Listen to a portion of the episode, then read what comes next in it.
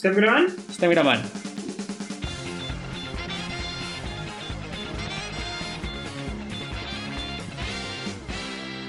Ara, i aquí, comença Quatre Quartos. Un programa per fer-te 5 cèntims sobre diners, finances i inversió. Amb l'Antoni Domingo i en Martí Martínez de Morentin. Som-hi! Si estàs escoltant això vol dir que 1. Ja ha arribat divendres i els aires de cap de setmana. 2. Ens esperen 30 minuts sobre calés i derivats. 3. No t'ha tocat la grossa. I 4. Quartos, ja està en marxa. Comença l'episodi número 2. Avui ens hem deixat emportar per la febre futbolera que desperta l'Eurocopa i la tremenda il·lusió de veure jugar Suïssa als quarts de final. Ens hem posat la bufanda del camp i us presentarem l'alineació dels actius financers i quina posició tècnico-tàctica ocupen cada un d'ells. Si ens sobra temps, l'Antonio ens esbrinarà si el nostre amic Sergio Ramos és més barruer dins del camp o gestionant els seus diners. I finalment, si esperem a parlar de diners a Catalunya, avui no podíem ignorar que Andreu Mascolell, professor d'Economia a Harvard i exconseller de la Generalitat, Generalitat, ha estat notícia perquè el Tribunal de Comptes li reclama quasi 3 milions d'euros per un tema aquest de la independència. Un tribunal a qui li és igual que 34 Premis Nobel d'Economia hagin sortit a defensar-lo per escrit i en obert. 34 Premis Nobel, que ja és molt fort que n'hi hagi tants que estiguin vius, bàsicament. En fi, no estem descobrint res a ningú al dir que el prestigi internacional de la justícia no és priori la prioritat absoluta de l'Estat. Però on pot pensar que, si no tenen cap molèstia en atacar una imminència internacional com el professor Mascolell, menys miraments tindran encara amb aquells que no remouen tantes mirades. Així doncs, Andreu absolució, Marcel absolució, absolució per totes les causes injustes. Dit això, sortim de l'àrea política i comencem el programa. Com va tractar la vida, Antonio? Molt bé, Martí, molt bon dia i la veritat és que molt content, perquè finalment avui centrarem l'atenció del programa en un tema que dona molt de joc i sobretot estic content de que tenia el Twitter, en el meu cas, pues, ple de gent que segueixo, que són la majoria filofeixistes madrilenys que estan traient espuma per la boca amb com estan a l'Eurocopa. I no hi allargaré massa, que tinc cunyats que es poden sentir una mica ofesos, però la veritat és que crec que avui el programa tindrà més èxit que, que, la, que Suïssa guanyant a França i eliminant així a Oh. dos francesos i a la gòlatra que hi dalt l'empaté, que no va aconseguir marcar. Bé, jo, jo això ja, ja ho he explicat, eh? Que, que estic vivint a Suïssa i això va ser... O sigui, jo no havia viscut una alegria futbolística tan a prop, em, eh, tan impressionant. Va ser increïble. Sí, sí, no, eh? Estaven cridant d'una manera... És el, el, el, el 2 a 6 eh, contra el PSG, que també va ser contra francesos, deu... Dona un plus. Dona, dona un plus, vull dona tot, dona tot. Vull dir, contra Madrid i contra els francesos, i això és un plus. I espero que el meu cunyat no m'escolti, perquè si no em posaré en problemes. No, no. Uh, je n'ai pas voler problème, així que suposo que passem a la, a la, següent, a la secció per aprendre una miqueta. Va? Millor, som-hi. Que quina hora és?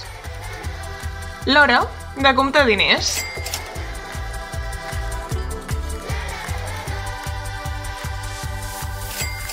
Vinga, som-hi.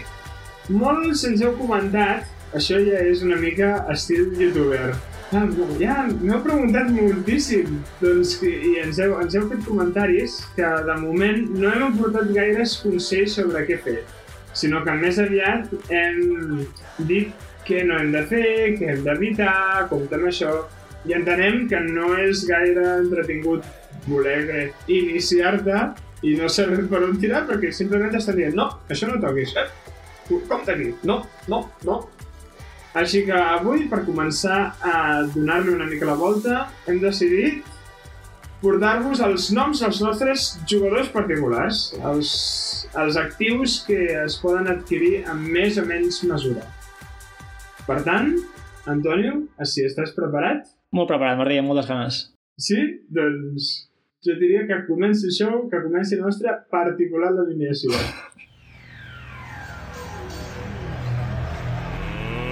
Get ready to rumble!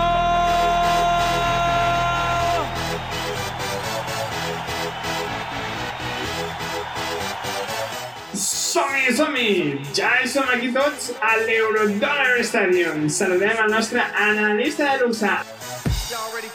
Entra Antoine Grismingo. Com estàs, Antonio? Bones, Martí, bona tarda. Molt content d'estar aquí i a gaudir de l'espectacle.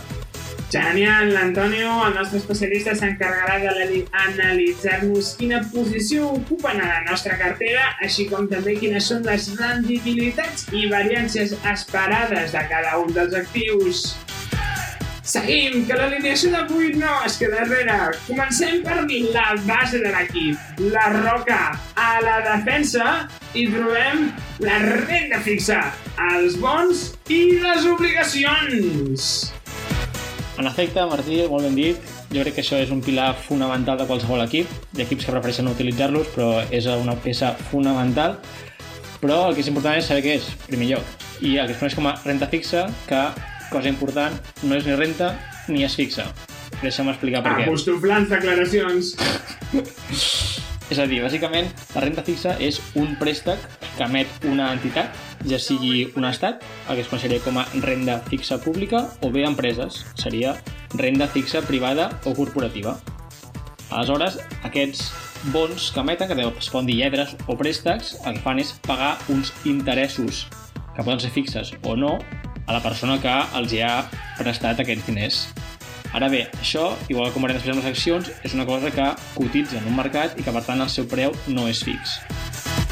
En quant a la variància, és el que es considera de risc més baix, que no zero. És a dir, els seus preus poden fluctuar, però el fet que et dongui un interès prefixat i precordat implica que té un risc més baix que les accions que veurem a continuació. És a dir, és, per tant, una peça que tothom hauria de tenir el seu equip, una peça fonamental i una peça a partir de la qual es pot crear la resta d'equip i mirar d'atacar. La clau del bany. Començant la casa, no per la taulada, és a dir, pels fonaments. Però continuem perquè a l'altra banda del camp i jugant a l'atac hi tenim les posicions més arriscades. Aquells actius a qui la gent dona per suposat que perden més pilotes, i és cert, però que acostumen també a marcar més gols i al final acaparen tots els premis. No parlo de res més que no sigui les accions, l'actiu que millor representa la renda variable. Efectivament, Martí, vull dir, crec que l'has clavat aquí amb el que acaparen tots els premis i és el que, de fet, la gent sembla que és l'única cosa que coneix. Les accions són una porció d'una empresa i, per tant, com a tal, quan comprem una acció o un conjunt d'accions, el que estem fent és obtenir part d'aquesta empresa i, per tant, tots aquells beneficis que ens podrà proporcionar i també, evidentment, aquelles pèrdues. Evidentment, una part proporcional al nombre d'accions que tenim. T'imagines que no? Que et donessin totes les pèrdues per comprar una acció que val 2 euros. Seria brutal. Totes això. les pèrdues d'Apple per tu. Sí, t- T'han tocat. No, ja està. Seria Sí, sí, són proporcionals, ho sento, ho sento. No, no, i tant, i tant. Llavors, com que és una part proporcional que hem comprat, com més tinguem d'aquella empresa, més part assumirem dels seus possibles recompenses o els seus possibles pèrdues.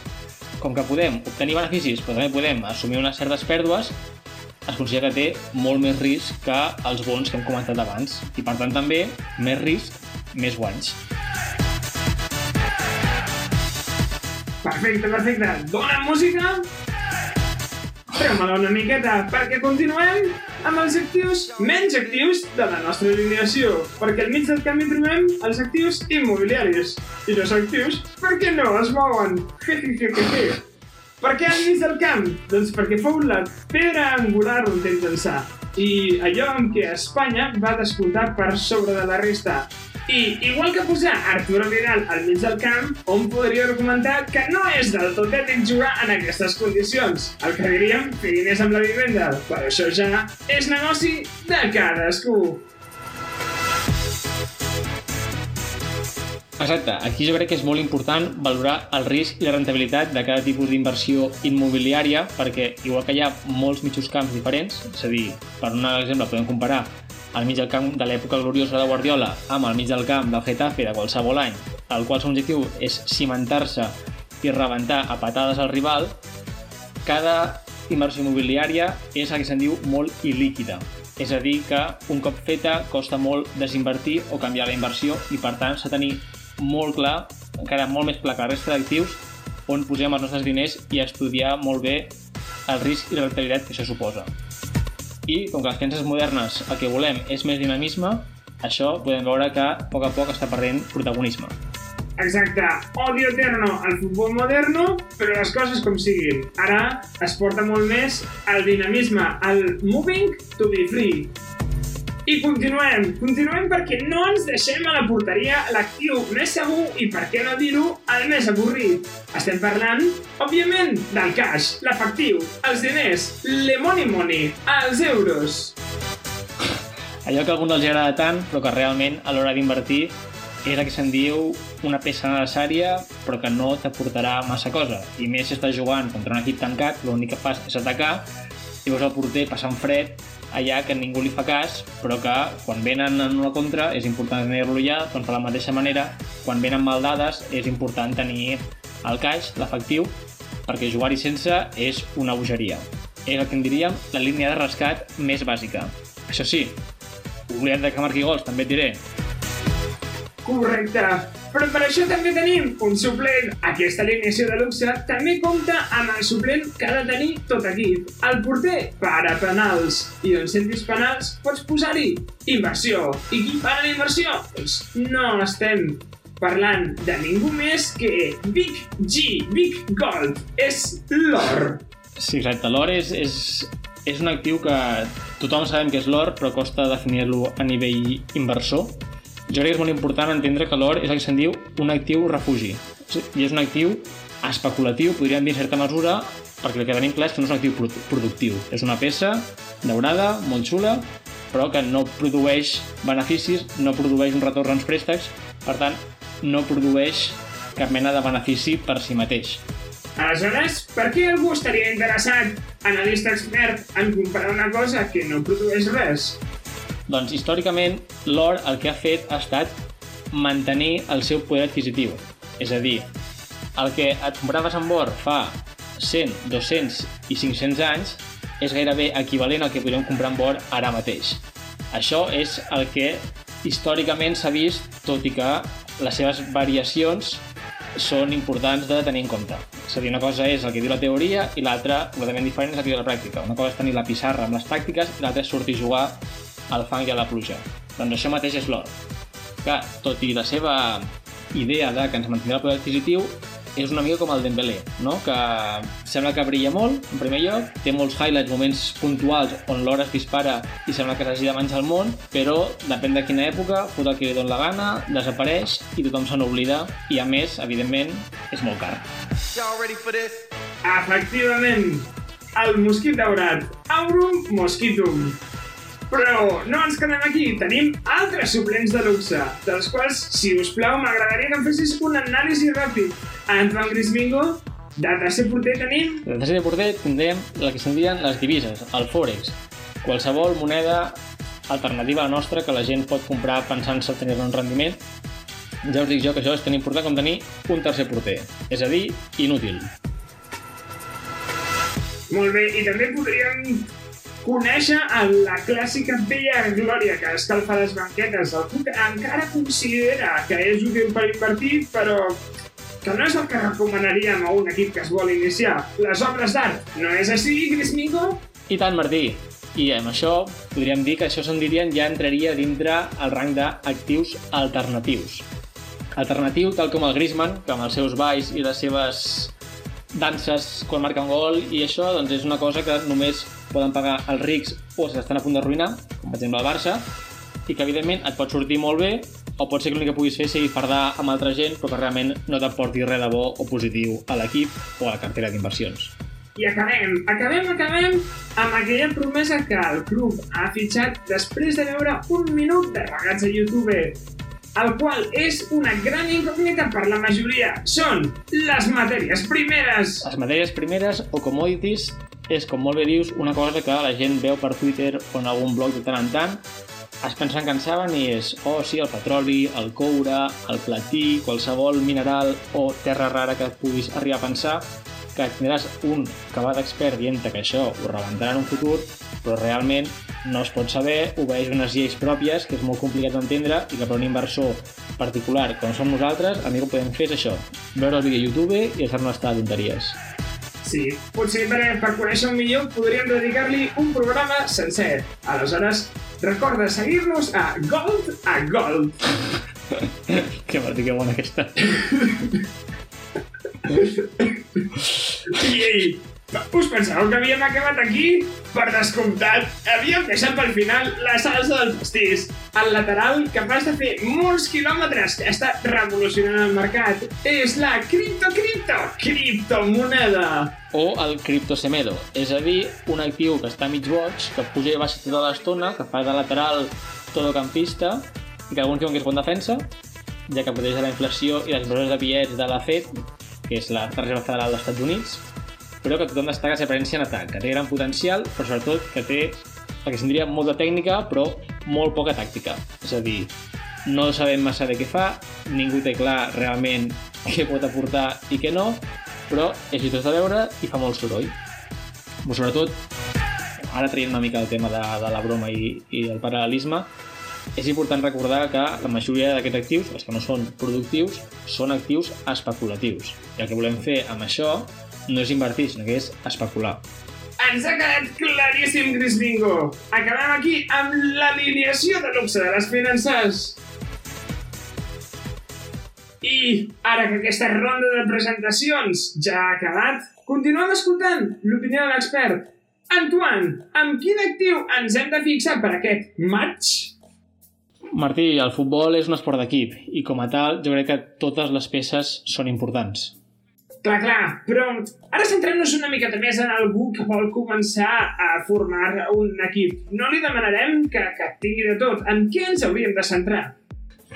Jo crec que és molt important, igual que el futbol, és tenir una alineació equilibrada, una alineació que et pugui portar a l'objectiu que tu vols aconseguir, que és una cosa que desenvoluparem una miqueta més endavant, i sobretot tenir el que se'n diuen actius productius, que com hem vist abans serien els bons, la renda fixa o les accions que és la renda variable.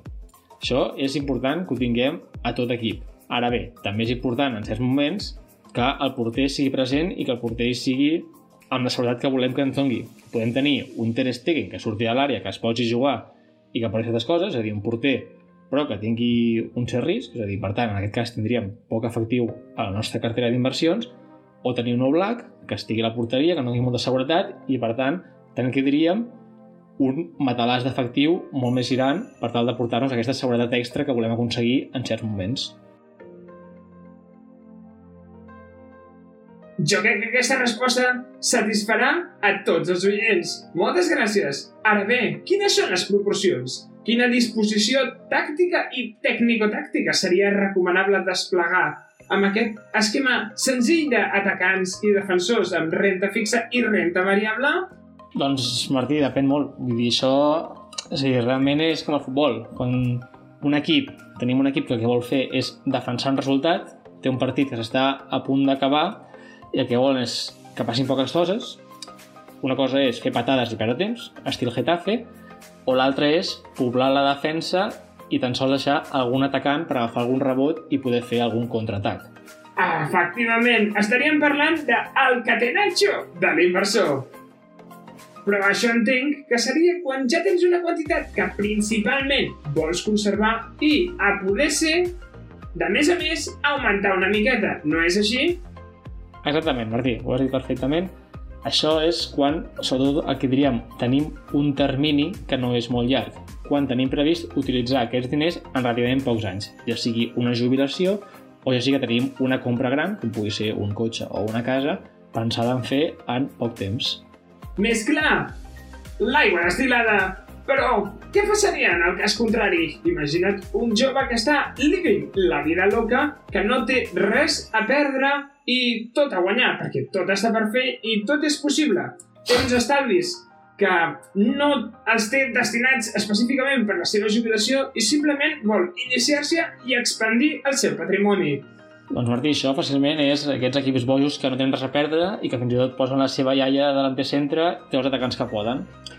Si bé jo, en opinió personal, crec que és important també tenir migcampistes o tenir perfils més equilibrats que puguin aportar ofensivitat amb cert control, sí que és important entendre que la gent jove que vol invertir els estalvis i no té por al risc, segurament l'opció més sensata és invertir en renta variable. El que dèiem, les accions i destinar-hi en aquest actiu gran part de les seves inversions.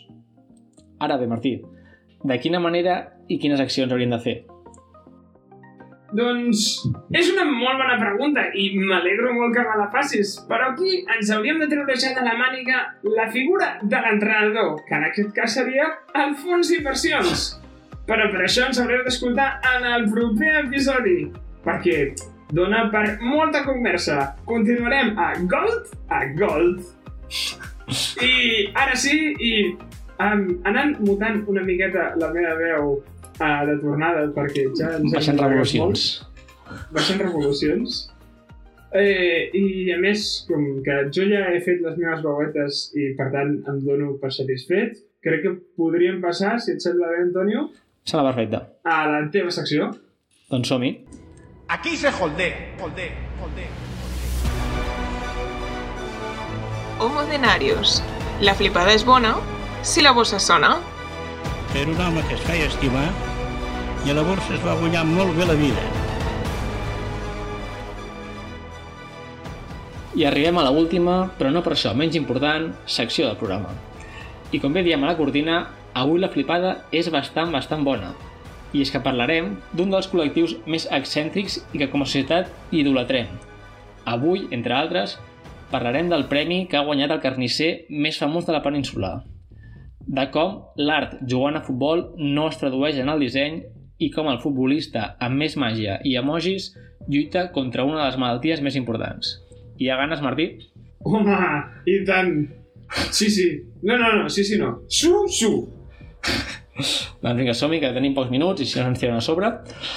Bàsicament, evidentment, com heu pogut intuir sense no he tingut massa, massa art, estic parlant dels futbolistes en general i com ells administren els seus diners. I és que, a veure, parlo de futbolistes que han triomfat en el món de futbol, que evidentment han guanyat molts diners i que per administrar-los el que han fet en molts casos és crear una societat o una SICAP, que és un producte, un vehicle del qual parlarem més endavant, perquè jo crec que també té, té moltes coses a explicar. Dona per episodi, dona per episodi. Sí, no?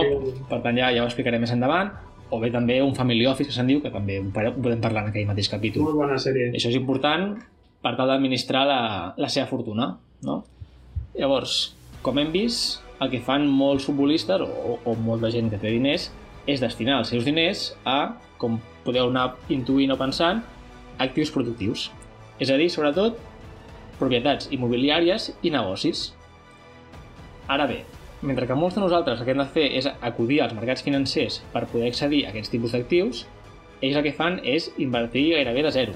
És a dir, poden aportar el capital inicial a un projecte, poden comprar participacions d'alguna empresa privada i, en fi, tenen moltes més possibilitats que nosaltres a l'hora d'invertir. Diu possibilitats, diu diners, no? Podríem dir. Podríem dir que poden fer molts diners, exactament, de moltes maneres diferents, però també que hi ha un exèrcit d'oportunistes al seu voltant que se'n vulguin aprofitar i, evidentment, que molts tinguin el cap no molt ben posat i es dediquin a dilapidar la seva fortuna amb altres projectes, podríem dir. No? Però sobretot el que vull que, que entenguem és que el fet de tenir aquests diners, o tenir tants diners, el que et permet és emprendre molts projectes que tenen molt poca probabilitat d'èxit, o que puguin ser deficitaris, o que en els ulls d'una inversió més racional mm, no seria una bona inversió. Però bé, he parlat una mica en general, jo el que voldria és, ja que parlem de personatges principals o personatges concrets, el que vull començar és amb el que he dit, el nostre carnisser preferit, àlies el Sergio Ramos, tan famós i tan odiat a la vegada, No, i no, és no. que el Sergio Ramos tens una mica, no? Jo, jo li faig un petonet abans a dormir, a la seva foto. Segueix, segueix. Merry Christmas.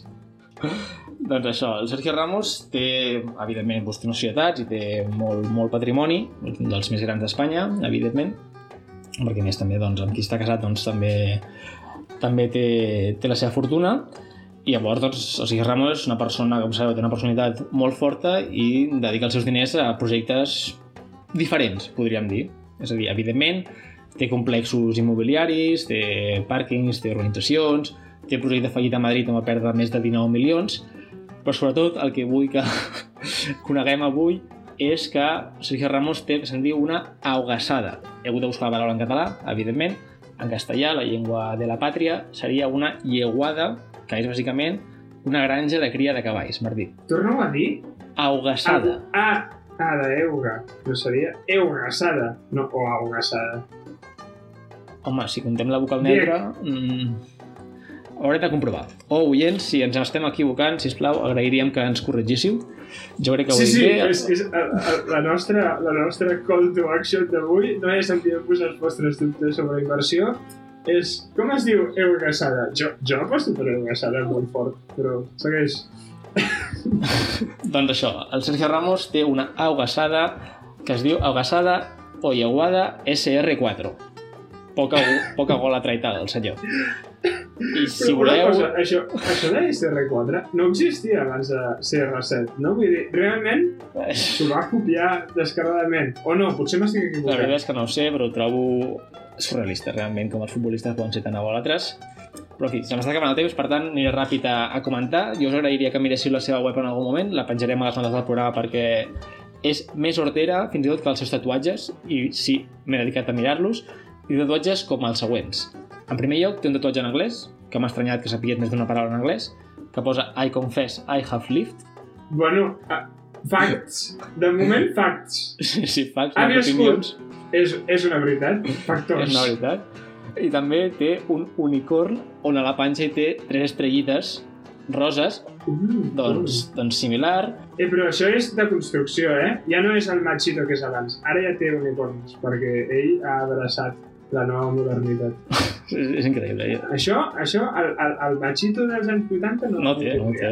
Pregunta-li a Fernando Hierro quants unicorns té no, ell, tatuats. ell està per sobre, està, ell està, sí, sí, viu al món de...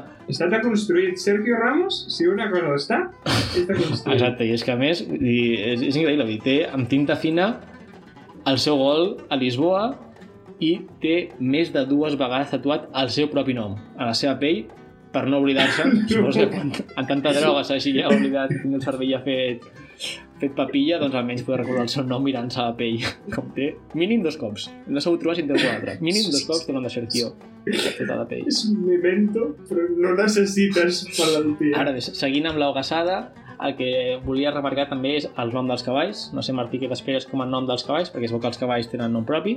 Una, una que sigui S, una que sigui R i una que sigui... Quasi. Quatre. I fins i tot diria una mica millor i tot perquè els noms dels principals cavalls, o eugas en aquest cas, serien Templanza de Ramos, Faraona de Ramos No. i la joia de la corona Yucatán de Ramos. Et prometo que... Tot això que de és Ramos. Però una cosa, faraona de... Això no sé si ho haurem de I és més que aquest Yucatán de Ramos ha guanyat un premi com a millor cavall del món en quant a la seva morfologia.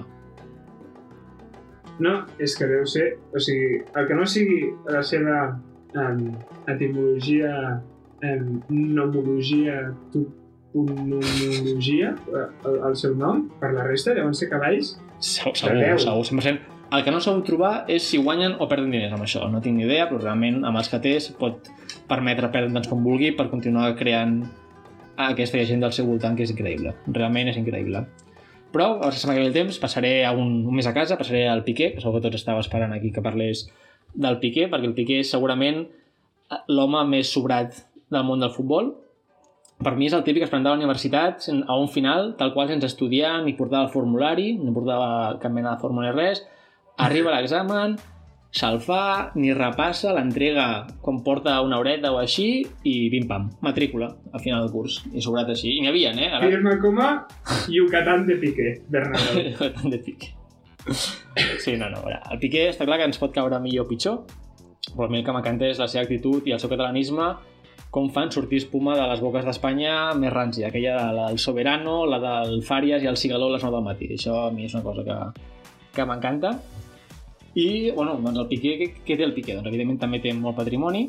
Ella ha, fet, ha invertit en molts projectes diferents, vull dir, he mirat i m'he perdut aquí a les webs mirant els projectes que tenia, però així per destacar-ho, diríem que té una SICAP amb un patrimoni de 24 milions, això només a una SICAP, i a més té altres participacions, una de les quals és a Cosmos, que és un holding molt important, per exemple, per haver organitzat la Copa Davis últimament, o ser de representant d'esportistes bastant famosos, com el tenista Thiem, crec que es diu, és bastant conegut, i sobretot la seva sobrada més gran jo crec que ha estat comprar el club de futbol del país preferit dels capitalistes, el Futbol Club Andorra.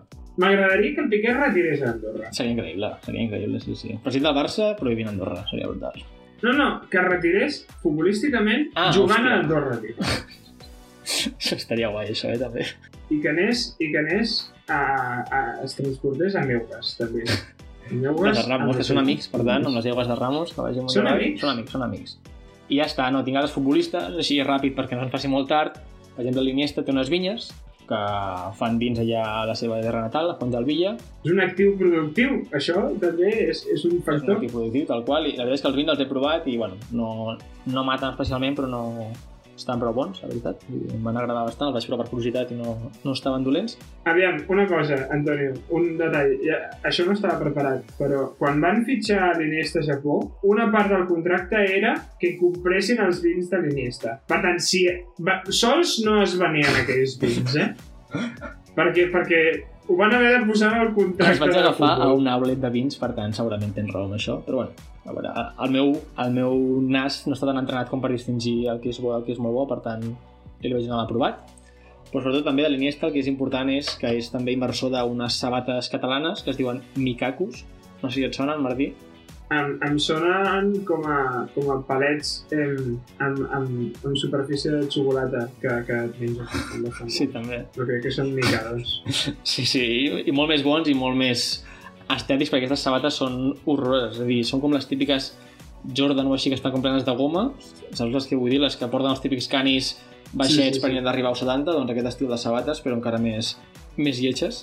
I ja està, i per acabar, per no arremar del tot, només us diria que el Ronaldinho, per exemple, el nostre famós Ronaldinho, també, evidentment, ha tingut molts diners i ha tingut... Vull dir, ha anat a molts hotels diferents, també, ha provat molts hotels diferents, hotels de luxe fins a hotels més insalubres, com últimament que va anar a la presó. Però sobretot el Ronaldinho S'ha de provar de tot. De, en aquesta vida s'ha de confessar que has viscut. Exacte, i per què millor que viure que tenint sexe, Martí, i què millor que tenir sexe que amb els condons dels quals el Ronaldinho és accionista, que són uns condons que evidentment tenen la seva cara No I- creure. i del qual és l'empresari estrella i és a dir, em fa gràcia això que siguin condons que un futbolista però bueno, s'ha dit que els va fer en teoria, no, no he indagat prou per descobrir tota la veritat, però el que llegia les notícies almenys era que eren condons que va fer juntament amb, amb el Ministeri de Salut de Brasil per tal d'intentar lluitar contra, contra la sida. O sigui que almenys doncs, tenen certa idea benèfica darrere o això, però em va fer gràcia que... Clar, perquè ell devia pensar, joder, si, si porten la meva cara, la gent... Exacte, més. estaran, És- estaran més és feliços i faran allà el senyal aquest de Ronaldinho, mentre estiguin allà distrets. Doncs, bona secció d'inversions, eh, avui? Hem après moltes coses sobre com invertir. Sí, exacte. Ha estat una secció diferent i bueno, també dir, m'agradaria que potser una mica, un, un punt una mica més, no seriós, però més així, més de, de concloure de que això que, que si les persones que sospitem que tenen menys neurones que aprovats a l'ESO saben que per no arruïnar-se han de dedicar part del que guanyen a actius productius, nosaltres, que no podem anar amb Ferraris per la vida, hem d'intentar, amb les nostres possibilitats, imitar-los. En la part bona, evidentment, no la part més diferent, diguem-ho així. Exacte. Com a objectiu de vida, no sé... Intentar ser menys curt que un futbolista és, és una bona meta. Tal qual. Doncs vinga, amb aquesta frase lapidària ho podem deixar aquí, et sembla? Em sembla perfecte, Martí. Vinga, doncs, més fons d'inversió, més informació i més el que ha fet l'Antonio en el següent episodi de 4 quartos. Moltes gràcies a tots i sigueu feliços. Amb il·lusió. Fins aquí arriben els 4 quartos. Per seguir fent camí junts, interacciona amb nosaltres a les xarxes socials i descobreix nous episodis a la teva plataforma podcast de confiança.